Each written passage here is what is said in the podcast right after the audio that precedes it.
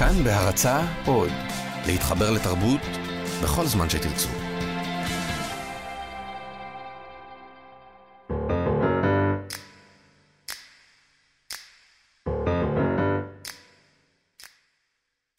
סיפורו של ג'ואן דה ג'ו.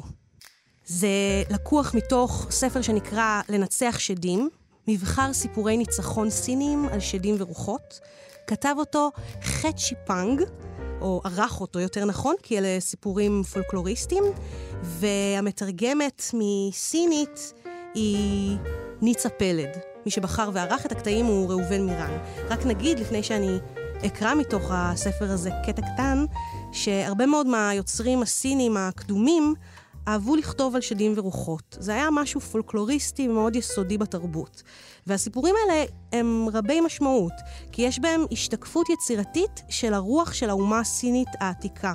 הספר הזה מלא בסיפורים של ניצחון על שדים ורוחות, והם פותחים לקורא הישראלי איזה פתח להכרת טפח מהתרבות העתיקה והרחוקה הסינית הזאת. והם מאוד מעוררי מחשבה, גם uh, על התרבות שלנו, אני חושבת. אז uh, ככה, סיפורו של ז'ואן דה ג'ו. ז'ואן דה ג'ו ראה פעם שד בבית השימוש. שחור, עם עיניים בולטות, וגובהו מעל שלושה מטרים. הוא לבש מעיל שחור וכובע, והתגלה לצידו במרחק של פחות מחצי מטר. שלב ובוטח, אמר לו ז'ואן בחיוך. אומרים ששדים הם יצורים נורא מכוערים, ומה שנכון, נכון. מיד הסמיק השד מבושה והסתלק לו.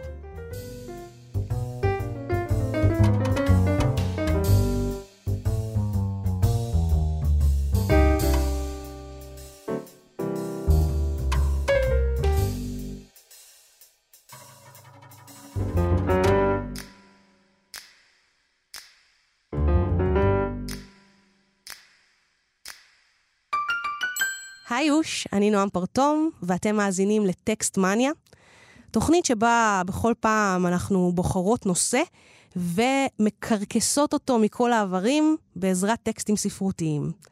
והפעם פנטזיה, או בעברית, הידעתם, היזיון. ופנטזיה, כמו שאתם בטח יודעים, זו סוגה ספרותית שבה העלילה תלויה בקיום של דברים שלפחות לפי המדע המודרני, מקובל לראות אותם כלא קיימים או כבלתי אפשריים. כל מיני יצורים חביבים כמו שדים ודברים כמו קסמים, חדי קרן, רוחות וכל היוצא באלה. המקורות של הפנטזיה הן בעצם בפולקלור, באגדות, במיתולוגיה, וזה מה שיוצר את הרקע העשיר שעליו העלילה מתבססת. אז היום אנחנו בענייני פנטזיה, ואם התחלנו בזה שהדרך הטובה ביותר אה, להביס שד היא להביך אותו, אה, נשמע לי טריק מוכח, אז אנחנו נמשיך עכשיו במשהו הרבה יותר אה, פנטסטי קסום, מתוך הספר הפנטסטי של נורית זרחי. ספר מופלא, שהוא בעצם לקט של מבחר סיפורי ילדות, ילדים קסומים של זרחי, שאני אוהבת במיוחד. רות ומודן היא רע, כמובן. ואני אקרא לכם קטע מתוך הסיפור אמורי השיגה טוסה. זה הולך ככה. כשאמורי השיגה טוסה, המכשפה הקטנה, גמרה את לימודיה, היא הייתה חייבת להיבחן. המנהל הניח לפניה על השולחן שני מזלגות ואמר לה, עכשיו כשפי אותם. את זוכרת שלמדנו מה הדבר שנחוץ בעולם? משהו חזק, משהו מהיר, משהו קני, משהו מכיר. אחת, שתיים, שלוש. המורי נעצה מבט חזק מאוד במזלגות, עצמה את עיניה בכל הכוח ולחשה. וילברס, זילברס, מינדרהם, לא לרהם, ופקחה את העיניים במהירות. היה רגע שקט. במקום המזלגות היו מונחים על השולחן שני ראשי ורדים לבנים. המורי השיג, ורדים לבנים? זה מה שאת רוצה וזה מה שאת יכולה? זה מה שאת חושבת לעצמך שנחוץ בעולם?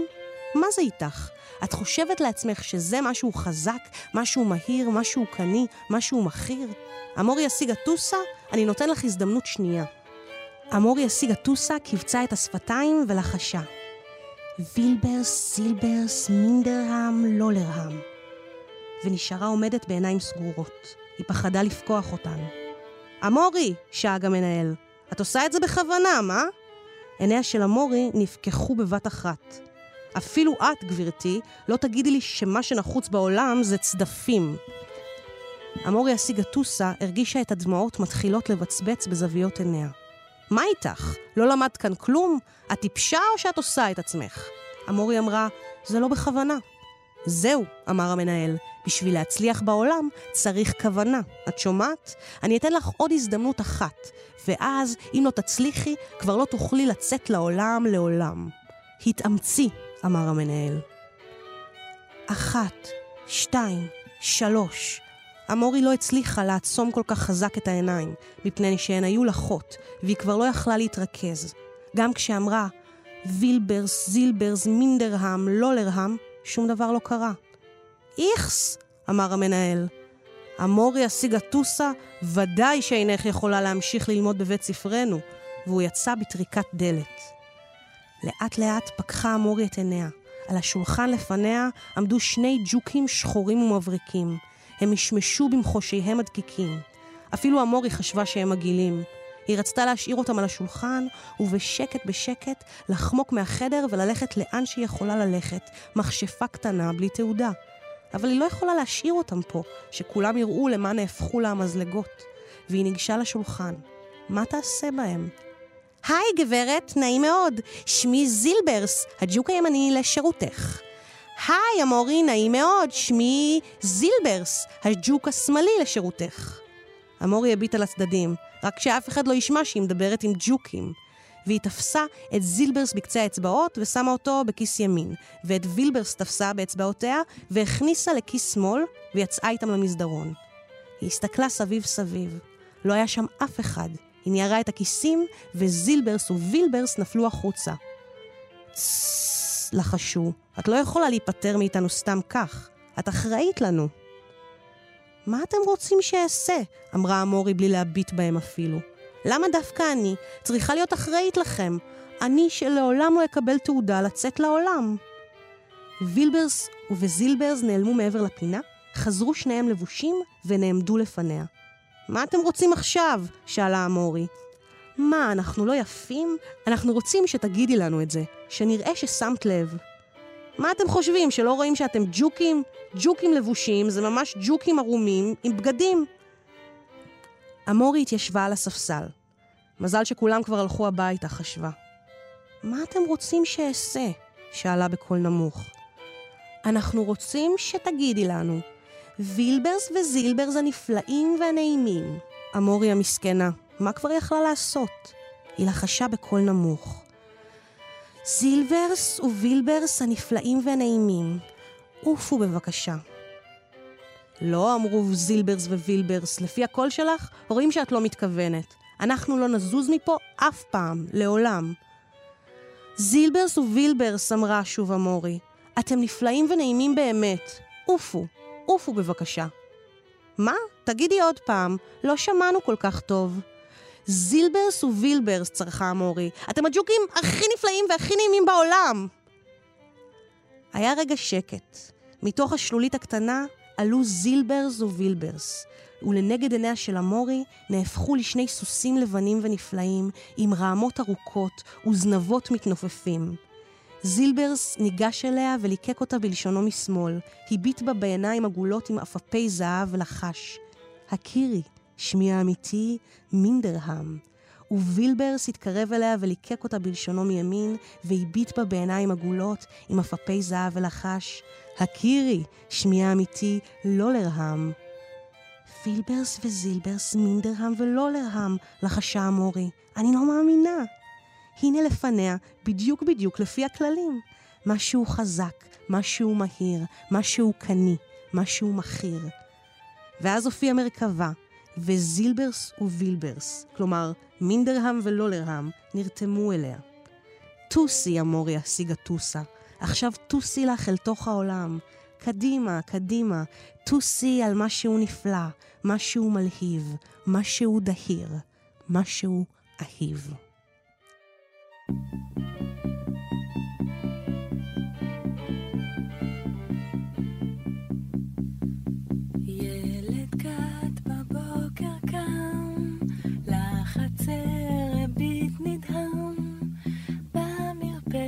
את השכנה, נמה לה ויד ננה.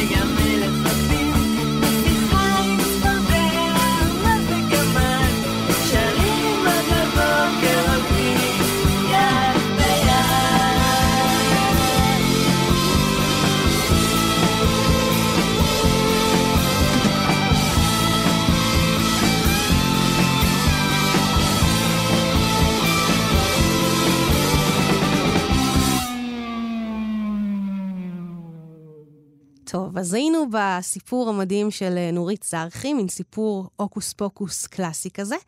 ועכשיו נעבור למשהו שהוא עוד יותר באוריינטציה של מבוגרים, אבל מלא בצ'ארם ומלא במג'יק. זה מתוך אסופה של סיפורים קצרים, שנקראת דברים מוזרים קורים. זה ראה אור בארצות הברית ב-2001 לדעתי, והגיע ארצה בדיליי אימתני, אני חושבת שזה ספר שקניתי ב-2010, משהו כזה. אה, כתבה אותו קלי לינק, שהיא סופרת נפלאה, סופרת שמתמחה בפנטזיה. היא בעצם משלבת ריאליזם ופנטזיה. המתרגמת היא דבי איילון, שעשתה עבודה מצוינת, וזה בעצם... סיפורים כאלה שקורים בהם כל מיני דברים משונים ומוזרים. איש מת שולח מכתבים לאשתו, וחייזריות בלונדיניות פולשות למנהטן. זוג בירח דבש משתתף בתחרות יופי אפוקליפטית. בלשית צעירה ניזונה מחלומות. קלי לינק כל הזמן מתמרנת באיזה איזון מאוד עדין בין ריאליזם לבין פנטזיה, בשטח ההפקר שבין אליס מונרו מצד אחד וג'יי קיי רולינג מצד שני. אה, היא שוזרת סיפורים של מדע בדיוני עם מעשיות סבתא, אגדות, עם סדרות טלוויזיה, וטובה מהם עלילות מתח, מסתורין ואימה. וזה מהמם ונורא כיף, ולגמרי למבוגרים, ואם אתם אוהבים פנטזיה, אז זה בשבילכם. אז uh, אני אקרא עכשיו מתוך סיפור שנקרא רוח הרפאים של לואיז. שתי נשים וילדה קטנה נפגשות במסעדה. המסעדה נחמדה, כולה חלונות. אנשים כבר היו כאן בעבר. כל האור הזה, בגללו האוכל טעים כל כך. הילדה הקטנה, כולה בירוק. סוודר ירוק שעיר, חולצת טריקו ירוקה, מכנסי קורדרו ירוקים וסניקרס מלוכלכים עם שרוכים ירוקים שחורים. אף אחד מהירוקים שלה לא מתאים לאחרים, מלבד העובדה שכולם כמובן ירוקים. לואיז, אחת הנשים אומרת לאחרת. לואיז, אומרת האישה השנייה לאחרת. הן מתנשקות. המלצר הראשי ניגש אליהן. הוא אומר לאישה הראשונה, לואיז, טוב לראות אותך. ותראו את אנה, איך גדלת. בפעם האחרונה שראיתי אותך, היית קטנה כל כך. כזאת קטנה. הוא מקרב את האצבע המורה והאגודל כנוטל קמצוץ מלח. הוא מסתכל באישה האחרת. לואיז אומרת, זאת חברה שלי, לואיז, החברה הכי טובה שלי, ממחנה צופות. לואיז. המלצר הראשי מחייך. כן, לואיז, כמובן. איך יכולתי לשכוח? לואיז יושבת מול לואיז. אנה יושבת ביניהן. יש לה מחברת מלאה דפים ירוקים וטוש ירוק. היא מציירת משהו, אבל קשה לראות מה בדיוק. אולי זה בית. יש לי רוח רפאים, לואיז אומרת. היא לא הייתה בטוחה שהיא עומדת לומר זאת. נראה לי שזאת רוח רפאים, כי היא הייתה בחדר השינה שלי. לואיז שואלת, לואיז, למה את מתכוונת? חשבתי שיש לך פרות משה רבנו. זה היה קודם, לואיז אומרת. לפני חודש היא התעוררה, כי אנשים התלחשו בפינות החדר שלה. עלים מתים זחלו על פניה. הקירות של חדר השינה שלה היו חיים. הם טפחו ונטפו צבע אדום. מה? היא אמרה, ופרת משה רבנו, הופ, נכנסה לתוך הפה שלה. מרה כמו סבון. הרצפה התפצחה כשהלכה עליה, כמו צלופן אדום. היא פתחה את החלונות. היא תטעה החוצה במטאטא פרות משה רבנו. היא שאבה אותן בשואב אבק. פרות משה רבנו נוספות עפו פנימה דרך החלונות, במורד הערובה. היא עזבה את הבית לשלושה ימים. כשחזרה, החיפושיות נעלמו, רובן. היא עדיין מוצאת אותן תחובות בנעליים שלה, בכפלי התחתונים, בקערות הדגנים ובכוסות היין ובין דפי הספרים שלה. לואיז אומרת, רוח רפאים? לואיז, זה מישהו שאת מכירה? אמא שלך בסדר? אמא שלי? לואיז אומרת. זאת לא הייתה אמא שלי. זה היה גבר עירום. בחיים שלי לא ראיתי אותו קודם. כמה עירום? אנה אומרת. קצת עירום או הרבה? לא עניינך, לואיז אומרת. הוא היה ירוק? אנה אומרת. אולי זה היה מישהו שיצאתי איתו בתיכון, לואיז אומרת. אהוב ישן. אולי הוא בדיוק התאבד או עבר תאונת דרכים מחרידה. הוא היה מכוסה דם, הוא אמר משהו, אולי הוא רוצה להזהיר אותך ממשהו. הוא לא אמר כלום, לואיז אומרת, ואז הוא נעלם. קודם הוא נהיה קטן יותר, ואז הוא נעלם. לואיז נרעדת, ואז גם לואיז. בפעם הראשונה היא מרגישה מפוחדת. רוח הרפאים של גבר עירום מרחפת באמבטיה שלה. הוא יכול להיות בכל מקום.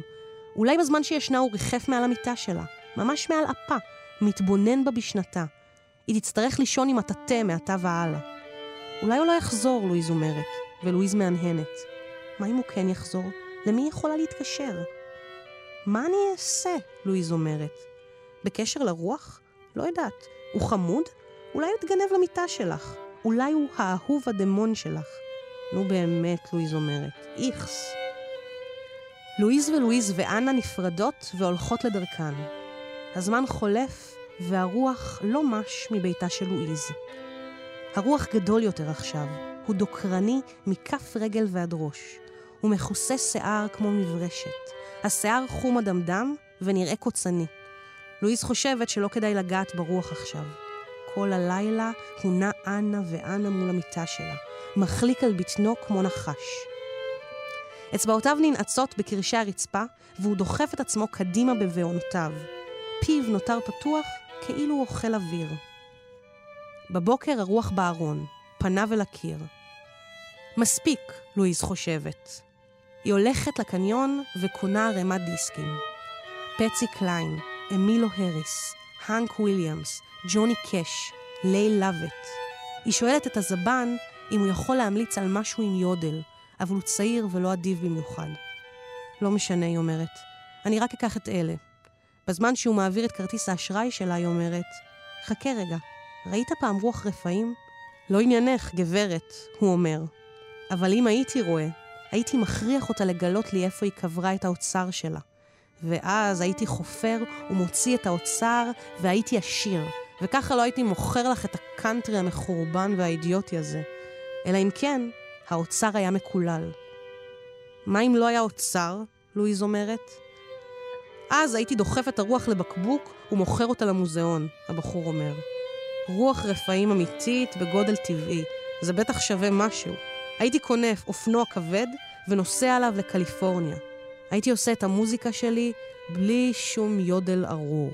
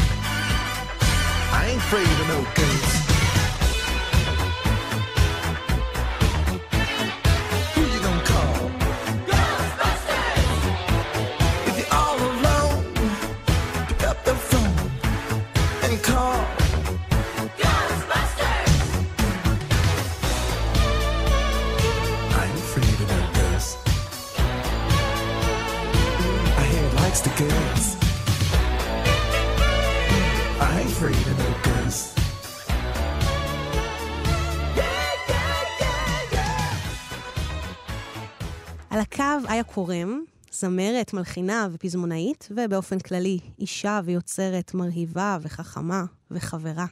היי. באופן כללי אני אישה. באופן כללי את אישה? לגמרי.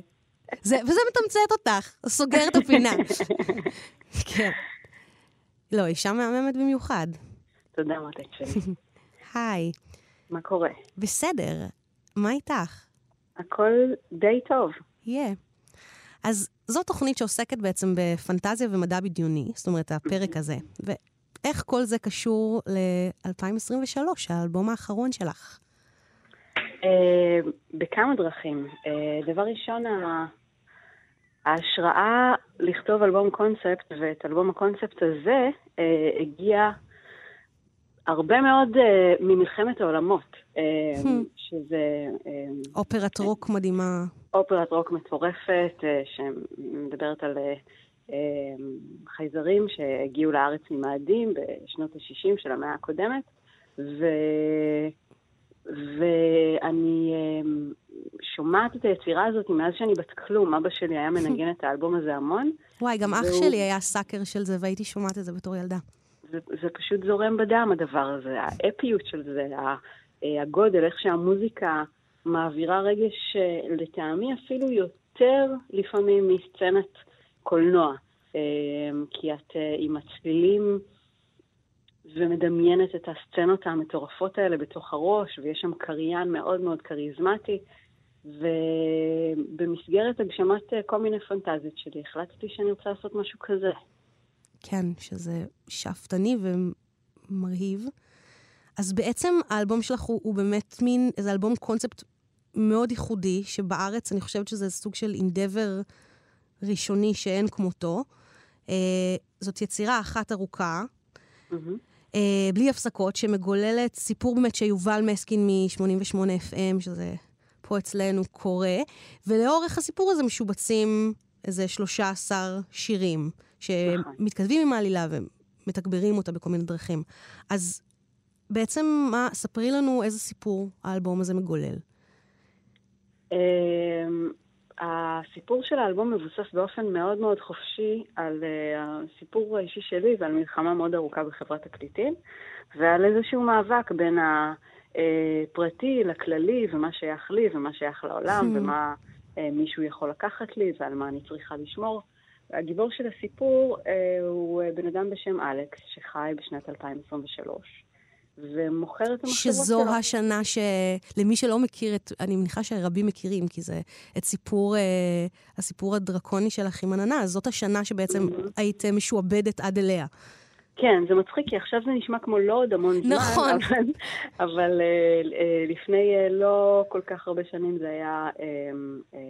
נשמע דמיוני. יעד מאוד מאוד מאוד רחוק. כן.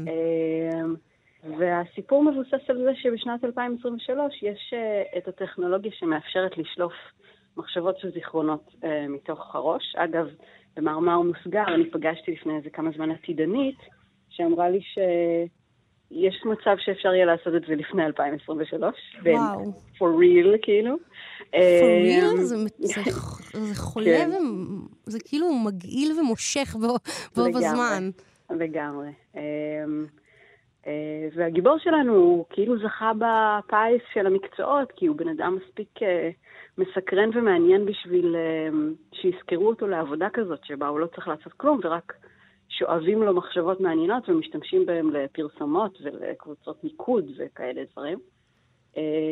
והוא מגלה יום אחד כמעט במקרה שנעלם לו זיכרון מאוד מאוד מאוד יקר של האהבה הראשונה שלו. Hmm. אז הוא מבין את המחיר שהוא משלם עבור כן, אפילו הג'ובה, כן, כן, מאוד...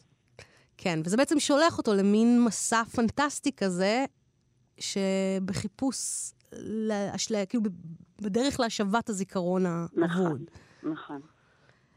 אז בעצם הקונספט לאלבום ולסיפור בפרט מגיע, זאת אומרת, זו איזושהי מטאפורה מחוכמת, או מין משל לסיפור שלך אה, עם חברת התקליטים? אה, באיזשהו מקום כן, אבל היה לי מאוד מאוד חשוב לא לספר את הסיפור הפרטי שלי, כי בתכלס, אני חושבת ש, שאין המון אנשים שחווים בדיוק את אותו עניין ל, ל, ל, באותם פרטים ובאותם אה, אה, כן. קשיים, אה, וחשוב ליצור כאן איזשהו משהו שהוא רחב יותר. ואני אה, סאקרית רצינית של מדע בדיוני, אז המשיכה אל העולם הזה היא לא משהו חדש בשבילי. והיה לי מאוד מאוד כיף לשבת ביחד עם שי רינגל, שהוא השותף שלי לכתיבת הסיפור מסגרת. אה, שהוא עיתונאי ותסריטאי וחמוד. נכון, נכון, ולהמציא משהו שמדבר את שתי השפות, גם את השפה הפרטית וגם את השפה הרחבה יותר. זה אדיר. זהו, וזו באמת הייתה השאלה הבאה שלי, אם את באמת, אם את סאקרית של פנטזיה ומדע בדיוני, ומה בז'אנר הזה מדליק אותך. ו... Uh, לגמרי, אני גדלתי על שר הטבעות וההוביט, ואחר כך uh, בגיל קצת יותר מאוחר מדריך הטרמפיסט לגלקסיה. חנונית כהלכתה. כן, וסטאר וורס וכל העניינים, כן. ואקסמן וכל המשתמע מכך. אגב, לאלבום, ל-2023, אנחנו הוצאנו גם חוברת קומיקס, נתנו את הסיפור מסגרת למאייר נפלא בשם גד תש. ובמסגרת הגיקיות הכללית, אמרנו לו, בבקשה, אה, הקומיקס מחכה שתצייר אותו. והוא עשה עבודה מדהימה. אני מתה לראות את זה. אני ראיתי רק את הטישרטים, אבל mm-hmm. לא ראיתי את הקומיקס המלא.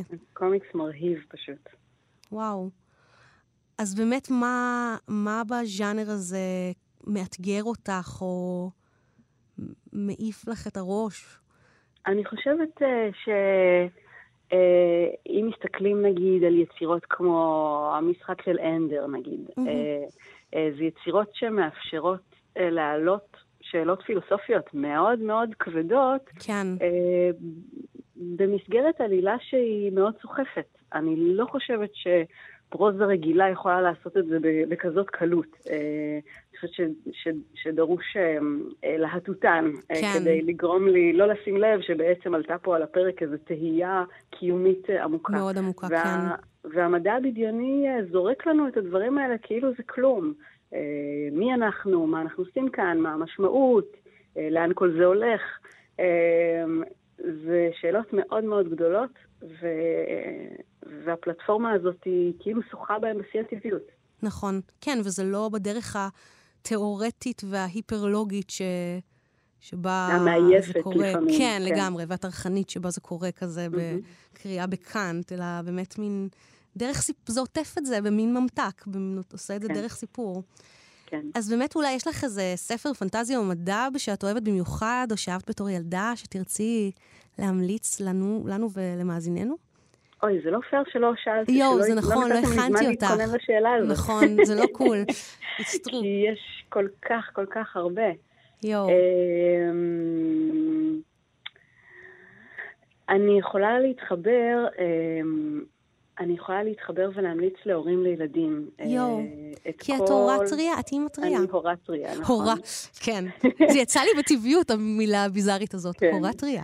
אה, אני יכולה אה, לדבר על ההתמכרות הפרטית שלי לכל הסדרה של השבעה ספרים של נרניה. כן. הרבה אנשים מכירים רק את הספר השני בסדרה, נכון. שזה אריה המחשבה וארון הבגדים. אבל יש עוד על הספר השביעי אפשר להתווכח, אבל שישה ספרים אחרים בסדרה הם פשוט נפלאים ומופלאים, ואם יש לכם אה, ילדים בבית ספר יסודי, זה פשוט עולם מדהים אה, וואו. לפתוח להם. יש uh, תרגום טוב לעברית? Uh, בוודאי, בוודאי. אני מאוד נהניתי מהקריאה הזאת, ואני בטוחה ש... שאחרים והילדים שלהם ייהנו גם. um, ובעצם כל שיר באלבום שלך מבוצע על ידי מוזיקאי אחר, ואת נכון. שרה רק את השיר, מאוד בענווה אופיינית, שרה רק את השיר האחרון שחותם את האלבום. אז דבר ראשון, מי למשל משתתף באלבום? כי יש שם, יש שם שמות אה, כבודים. בהחלט. אה, יש שם שילוב אה, שהיה לנו מאוד מאוד חשוב בין אמנים ותיקים ואמנים צעירים ואמנים אה, מאוד מוכרים לאמנים פחות מוכרים וכל מיני ערבובים של ז'אנרים, אז אה, יש את... אה, דני ליטני, מזי כהן, נצ'י נץ', יהוא ירון, ישי לוי, דניאל זמיר, לאה שבת, אה, רונה קינן. אה, אני פשוט בחרתי, הלכתי על הקרם דה לקרם, ולשמחתי הרבה, אה, רוב רובו משצפת שלי באלבום. וואי, זה מדהים.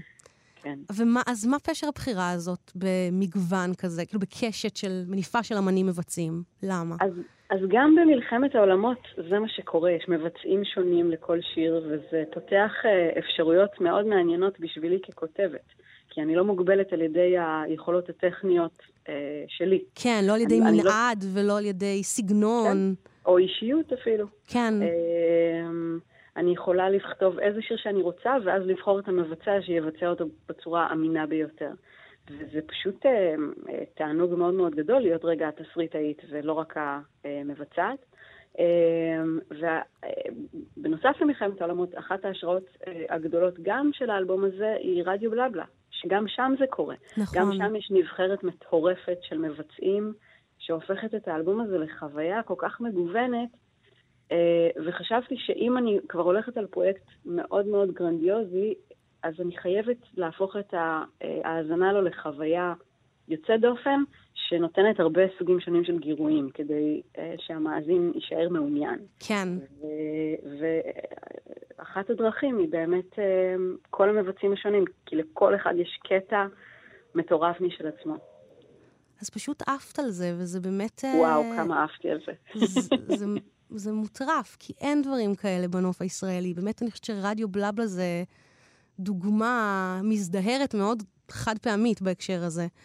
וזה... כן, אני כמובן לא הייתי יכולה לעשות את זה בלי אה, שותפי לחיים, אדם בן אמיתי. נכון. שכתב את כל העיבודים לדבר הזה, והוא אחראי אה, אה, לא פחות ממני, אם לא יותר, על, על, על הצד המוזיקלי של הסיפור. הוא הפיק מוזיקלית, כתב עיבודי מיתרים נפלאים, הלחין איתי כמה מהשירים. ונראה לי שהוא בכלל שלא... רוח גבית כזה, שמאפשר לך, נותן לך את ההרשאה לעוף על עצמך. רוח גבית, צידית, קדמית. בסיראונד. לאן שרוצים לעוף, אה, הוא שמה. הוא שם. אז באמת, אני רוצה לסיום לשאול עוד שאלה חוצפנית, שגם לא הכנתי אותך לקראתה, ולשאול מה, מה הקטע בעלילה או השיר באלבום שהכי קרובים לליבך, ואז אולי גם נשמיע את השיר הזה. זה מאוד משתנה, אבל uh, שיר שמעיף אותי כל פעם שאני שומעת אותו זה מצרים בביצוע של לאה שבת. Uh, היא פשוט מצליחה להביא לשיר הזה עוצמה. טוב, כי היא שמאנית כזאת, היא, היא כהנת גדולה. היא מרסדס סוסה. היא, וואי, היא באמת אה, מרצדס סוסה. היא כאילו הגלגול הישראלי שלה. לגמרי, לגמרי. ואם דיברנו בתחילת השיחה על אה, להיות אישה באופן כללי, אז אני חושבת שלאה מגלמת איזה ריכוז של כוח של הדבר הזה, וזה מתפרץ בשיר. וואו. אה, אני, אני פשוט עמדתי שם באולפן מולה מבצעת את הטייק שירה הזה, עם הלסת שמוטה, ולקח לי כמה ימים לגרד אותה חזרה לגובה הנכון. וואו.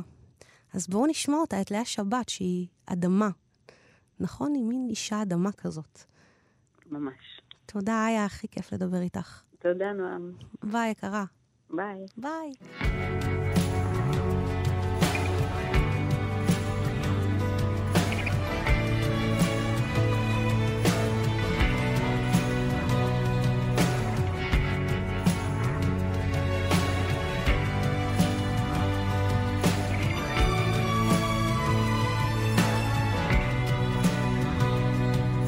כשיצאתי ממצרים, זחלתי על כחוני, ארבעים ימים ולילה, לא ידעתי מי אני. כשיצאתי ממצרים, לא ידעתי עוד לאן, המדבר הזה ייקח אותי, ייקח אותי מכאן.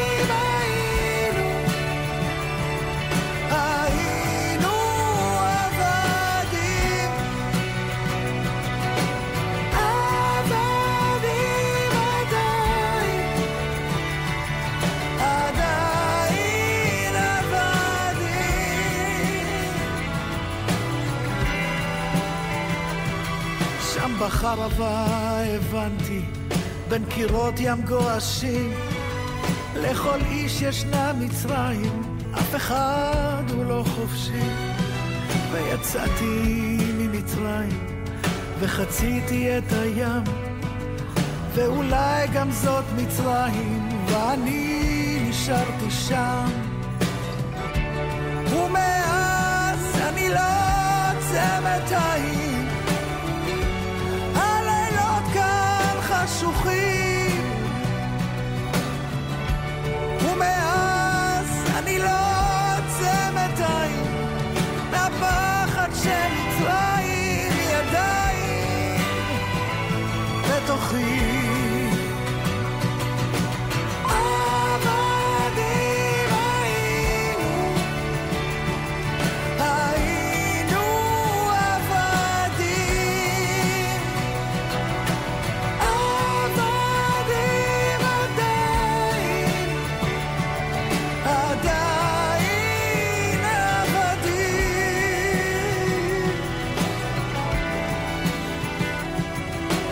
רקדתי בלחש וצעקתי עליכם אלוהים הזה שכח אותי, הוא לא יציל אתכם.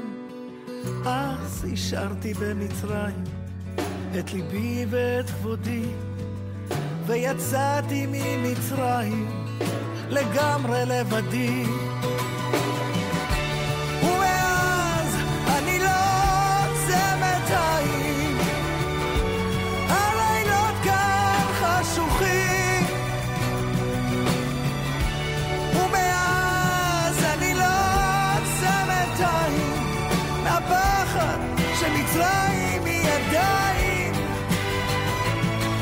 בתוכי.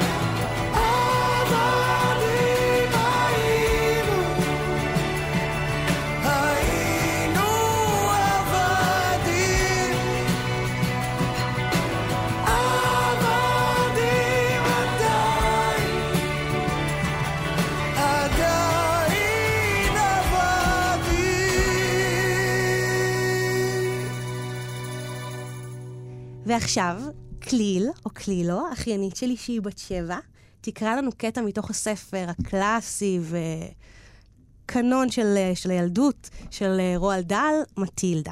אז כלילו, למה בחרת במטילדה? מה את אוהבת בספר הזה? אמ, אני אוהבת אותו בעיקר כי אין שם מפלצות וחיות ודברים כאלה, זה כוחות על-טבעיים. כאילו, למטילדה יש כוחות, נכון? כן, יש לה, היא בעצם יש לה כוחות, מה שנקרא טלקינזיס, כן, נכון, שהיא יכולה להזיז דברים בכוח המחשבה שלה. כן.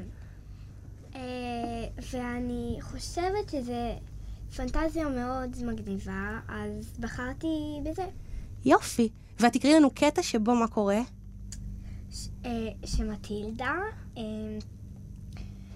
שהמנהלת בית ספר שלה, אה, יש לה אה, כוס מים מול, אה, על השולחן שלה, ומטילדה מנסה להפיל אותה מ- מהשולחן שלה, אה, שכל המים ישפכו, כאילו, כן, כדי להביך את המורה, והכל כמובן באמצעות הכוחות שלה. ברור. יהיה. אז עכשיו תקראי לנו.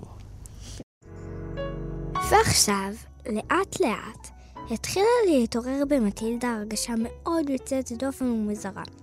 ההרגשה התמקדה בעיקר בעיניים. נראה כאילו מין חשמל התחיל להצטבר בתוכן. תחושה של עוצמה התחילה להיווצר בעיניים שלה. הרגשה של כוח עצום שמצא את מקומו העמוק בתוך עיניה.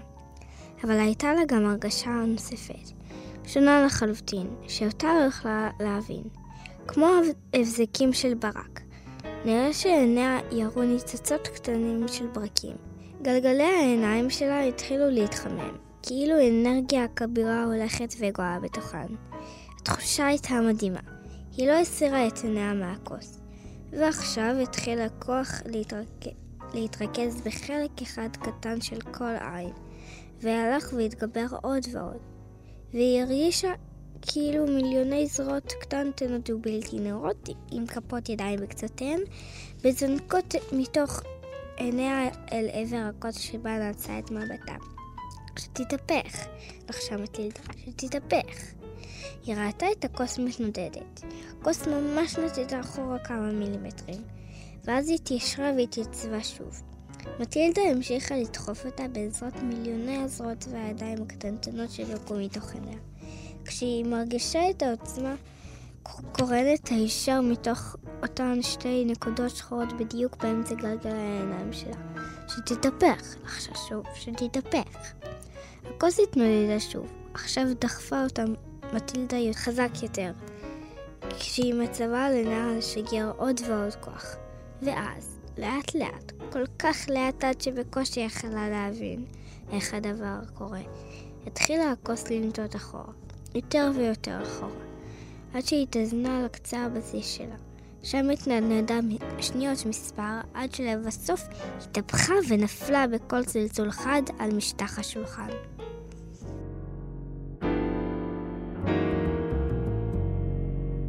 אז עכשיו, אביב, אחיינית שלי, שהיא בת תשע, בכיתה ד', תקרא לנו מתוך ספר שהיא אוהבת, מתוך הסדרה של פרסי ג'קסון, נכון? מתוך הספר פרסי ג'קסון וקללת הטיטן, שזה ספר פנטזיה. אז תספרי לנו, ויבו, קצת על הקטע שאת הולכת לקרוא.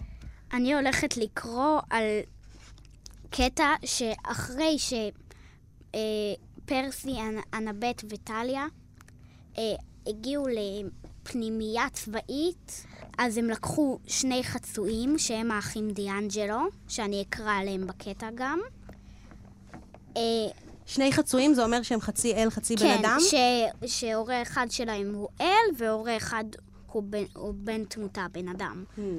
הם בורחים ממפלצת שהיא בעצם ה- המנהל של הפנימייה, או, מור, או מורה שם.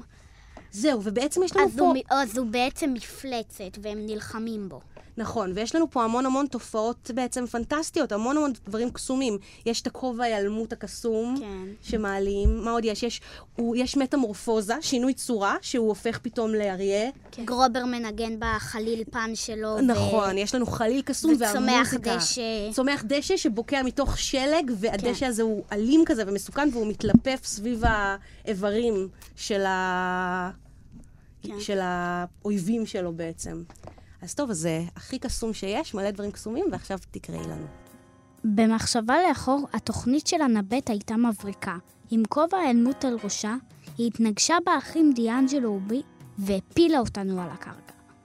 לשבריר שנייה, דוקטור קוץ הופתע לגמרי, כך שמטח הקוצים הראשון שלו עבר מעל הראשים שלנו בלי לגרום נזק. זה העניק לטליה ולגרובר הזדמנות לתקוף מאחור. טליה החזיקה במגן הקסום שלה אייגיס. מי שלא ראה את טליה מסתערת בקרב, אינו יודע פחד אמיתי מהו. היא נלחמת בעזרת חנית ענקית שנשלפת מתוך מיכל של תרסיס פלפל להגנת, להגנה עצמית שהיא מחזיקה בכיס שלה. אבל לא זה החלק המפחיד. המגן שלו מעוצב בדמות המגן שבו משתמש אבא שלה, זהוס, שגם לו קוראים אייגיס, מתנה מאתנה.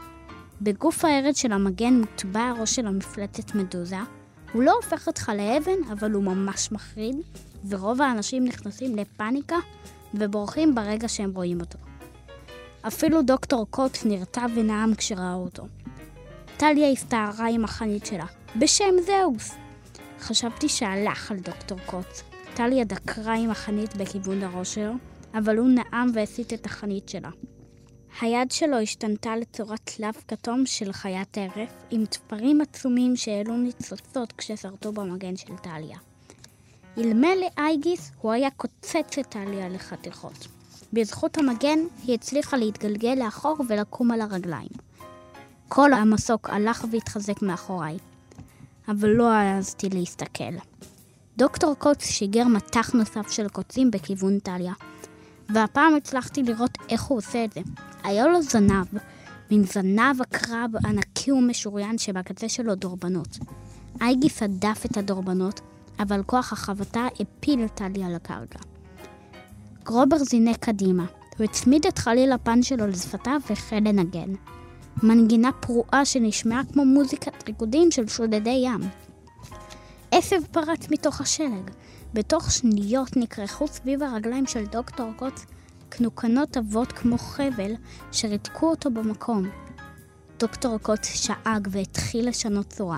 הוא גדל וגדל עד שהגיע לצורתו האמיתית. הפנים שלו נשארו אנושיות, אבל היה לו גוף של אריה ענקי. הזנב המשוריין ירק קוצים קטלניים לכל עבר. הוא מנטיקור, אמרה הנבט, שהפכה בינתיים גלויה לעין.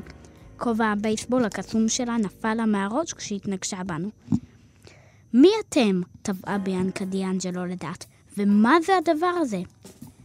מנטיקור? התנשף ניקו. יש לו כוח התקפה שלושת אלפים ופלוס חמש לגלגולי הצלה. לא היה לי מושג על מה הוא מדבר, אבל לא היה זמן לנסות לברר. המנטיקור קרע לגזרים את העשבים של גרובר ופנה לעברנו בנעמה. תתכופפו! הנבט דחפה את האחים דיאנג'לו אל השלג. בשנייה האחרונה נזכרתי שגם לי יש מגן. לחצתי על השעון שלי, ורצועות מתכת נפתחו כמו סליל ויצרו מגן ארד עבה, ממש ברגע האחרון. הקוצים עלמו במגן בעוצמה כזאת שחרצו גומות במתכת. המגן היפהפה שלי, מתנה מאחי, ניזוק קשה. לא היית בטוח אפילו שהוא יצליח לח- לחסור מטח נוסף. שמעתי כל מכה וצווחה, וגרובר נחת לצידי בחבטה. היכנעו, שאג המפלץ. לעולם לא, צעקה טליה מאחור. היא הסתערה על המפלץ ולרגע חשבתי שתצליח לשפד אותו. אבל מאחורינו נשמע קול אדיר ואור בוהק סנוור אותנו. המסוק התרומם בערפל, מרחף ממש מעבר לשולי הצוק. זה היה מסוק רב שחור וחלק, ומשני צדדיו היו התקנים שנראו כמו משגרי טילים מונחי לזר. לא היה לי ספק שבני תמותה מטיסים את המטוס. אבל מה הם עושים כאן? איך ייתכן שבני תמותה משתפים פעולה עם מפלץ? הזרקור סנוור את טליה. והמנטיקור העיף אותה הצידה עם הזנב שלו.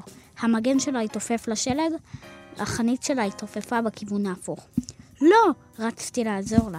הצלחתי להדוף דורבן רגע לפני שננעץ בחזה שלי.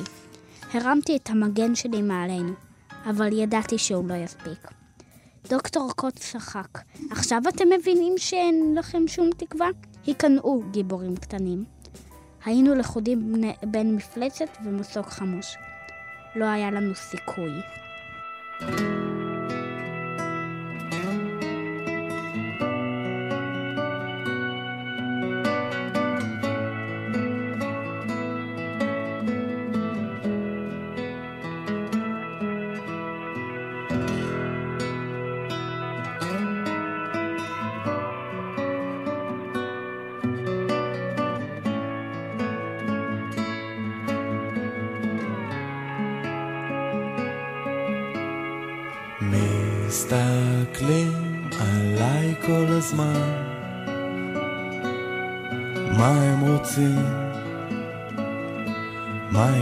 לי בעצם? אומרים לי שאני חצי בן אדם והיא חצי משוגעת אבל זה כל הקסם כשאני רואה אותך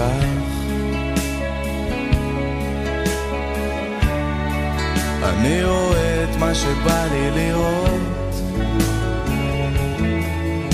אותך כמו שאת כשאת פורסת כנפיים. אני צייר ואת זמרת ברים אדומה. אני מוכן ואת רוקדת בתוך הנשמה ואין דבר יותר נכון מאותה נשימה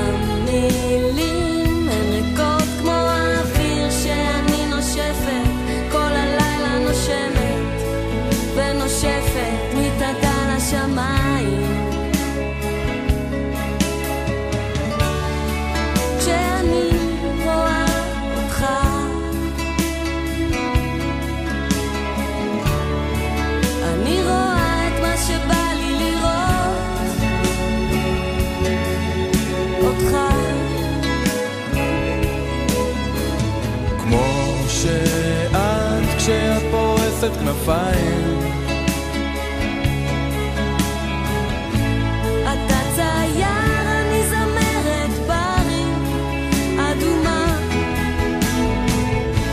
אני מוכן ואת רוקדת בתוך הנשמה. ואין דבר יותר נכון מאותה נשימה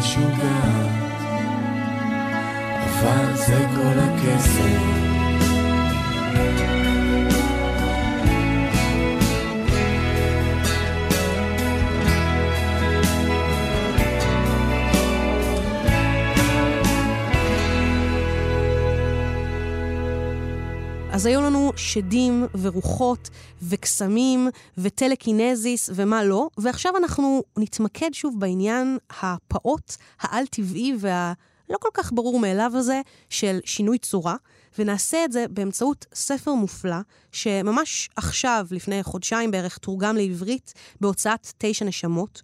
הוא נקרא מאישה לשועלה, כתב אותו דיוויד גרנט, ו... תארו לעצמכם, הוא כתב אותו בשנת 1922, לפני כמעט 100 שנה, והספר הזה רענן ומקסים וחכם וכל כך מודרני. זו ללא ספק אחת הנובלות הבריטיות היפות בכל הזמנים, מין נס ספרותי קטן כזה. והסיפור מסגרת הוא מאוד פשוט. יש לנו זוג צעיר, עמיד, אוהב, מאוהב, סילביה וריצ'רד טבריק, ככה קוראים להם. הזוג הזה מתחתן ועובר להתגורר באחוזה מבודדת במחוז אוקספורד באנגליה, וכעבור כמה חודשי נישואים, במהלך טיול רגלי של הזוג בצהרי היום, משהו שגרתי לגמרי, פתאום סילביה נהפכת לשועלה. זה הקונספט. ובעצם זה סיפור על טרנספורמציות אנושיות, גופניות, נפשיות, יצריות, מיניות וחומריות. על כל השינויים הקיצוניים יותר ופחות שאנחנו עוברים בחיים. אז הנה אני אקרא לכם טעימה, מאישה לשועלה. מקרים מפליאים שלא כדרך הטבע אינם נדירים דווקא, אלא שהם אינם מקפידים להתרחש בסדירות. פעמים רבות לא מתחולל שום פלא ראוי לציון מאה שנים תמימות. ומיד אחר כך מופיע שפע של פלאות. מפלצות מכל סוג ומין ממלאות את הארץ. כוכבי שביט מבליחים בשמיים. ליקויי מאורות מפילים אימה על הטבע. מטאורים יורדים כגשם. בתולות ים וסירנות מתעתעות בשומעיהן. נחשי ים נכרכים סביב כל ספינה עוברת, ואסונות מוזרים ונוראים פוקדים את האנושות. אך המקרה המשונה שאספר עליו כעת בא לעולם העוין לבדו, בלי אח ורע, ועל כן חמק מעינם של רוב בני האדם. שהרי אין עוררין על העובדה שמרת טבריק הפכה בן רגע לשועלה. תהא הסיבה לכך אשר תהא. עיקר הקושי טמון בצורך להסביר את העובדה הזאת וליישבה עם אמונותינו הרגילות. באחד הימים הראשונים של שנת 1880, בשעת אחר צהריים מוקדמת, יצאו הבעל והאישה, מר ומרת טבריק, לטייל בחורש בגבעה הקטנה שמעבר לריילנדס. באותה עת עדיין נהגו כנאהבים, ולא משהו איש מרעותו. בשעת ההליכה שמעו כלבי ציד, ולאחר מכן, במרחק, את קרנות הציידים. מר טבריק החיש את צעדיו כדי להגיע אל קצה החורש, מפני שרצה להתבונן בכלבי הציד אם יעברו שם. אשתו פיגרה מאחור, והוא אחז בידה וכמעט גרר אותה. לפני שהגיעו אל קצה החורש, היא משכה בכוח את ידה מתוך ידו ופלטה צעקה, והוא הסב אליה את ראשו. במקום שנמצאה בו אשתו לפני רגע, ניצב שועל קטן שצבעו כתום בהיר.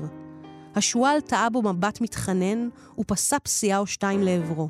והוא הבין מיד שזוהי אשתו, המביטה אליו מבעד לעיניה של חיה. תוכלו לשער שהוא היה אחוז בעתה, וכמוהו אשתו, שלבשה צורה שכזו. על כן לא עשו דבר כמעט מחצית השעה, רק נעצו עיניים זה בזו. הוא מוכה תדהמה. היא שואלת אותו בעיניה, ממש כאילו דיברה אליו. מה קרה לי? רחם עליי, בעלי, כי אני אשתך.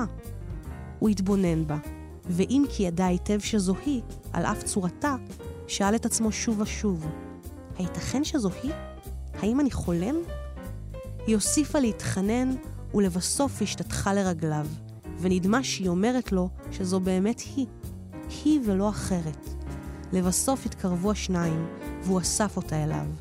היא נחה בחיקו, נדחקה תחת מעילו, ואף החלה ללקק את פניו, אך לא הפסיקה להביט בעיניו. כל אותה עת התבונן בבעלה והפך בדעתו, אך לא הצליח להבין מה קרה. הוא ניחם את עצמו בתקווה שזהו שינוי זמני ותו לא, ועוד מעט קט היא תהפוך שוב לאשתו, לעצם מעצמו.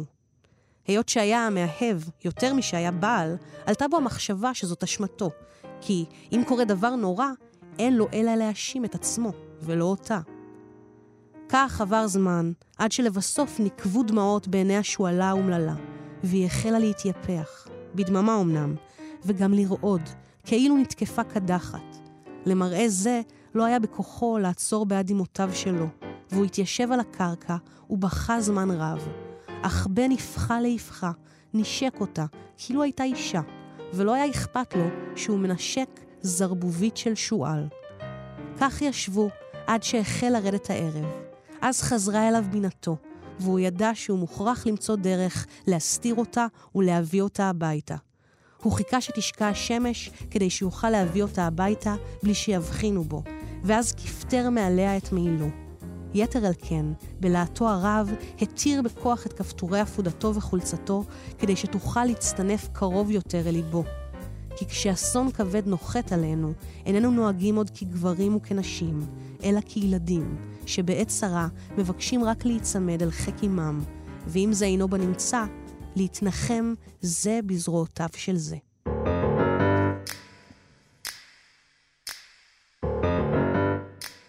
זו הייתה עוד תוכנית של טקסט מניה על פנטזיה, שכמו שאיה קורם אמרה כל כך יפה, זו הדרך הכי כיפית להגג על שאלות גדולות ברומו של עולם, על הקיום והממשות ועל חיי אדם, במעטפת מתוקה של סיפור כיפי ומהנה ומפתיע.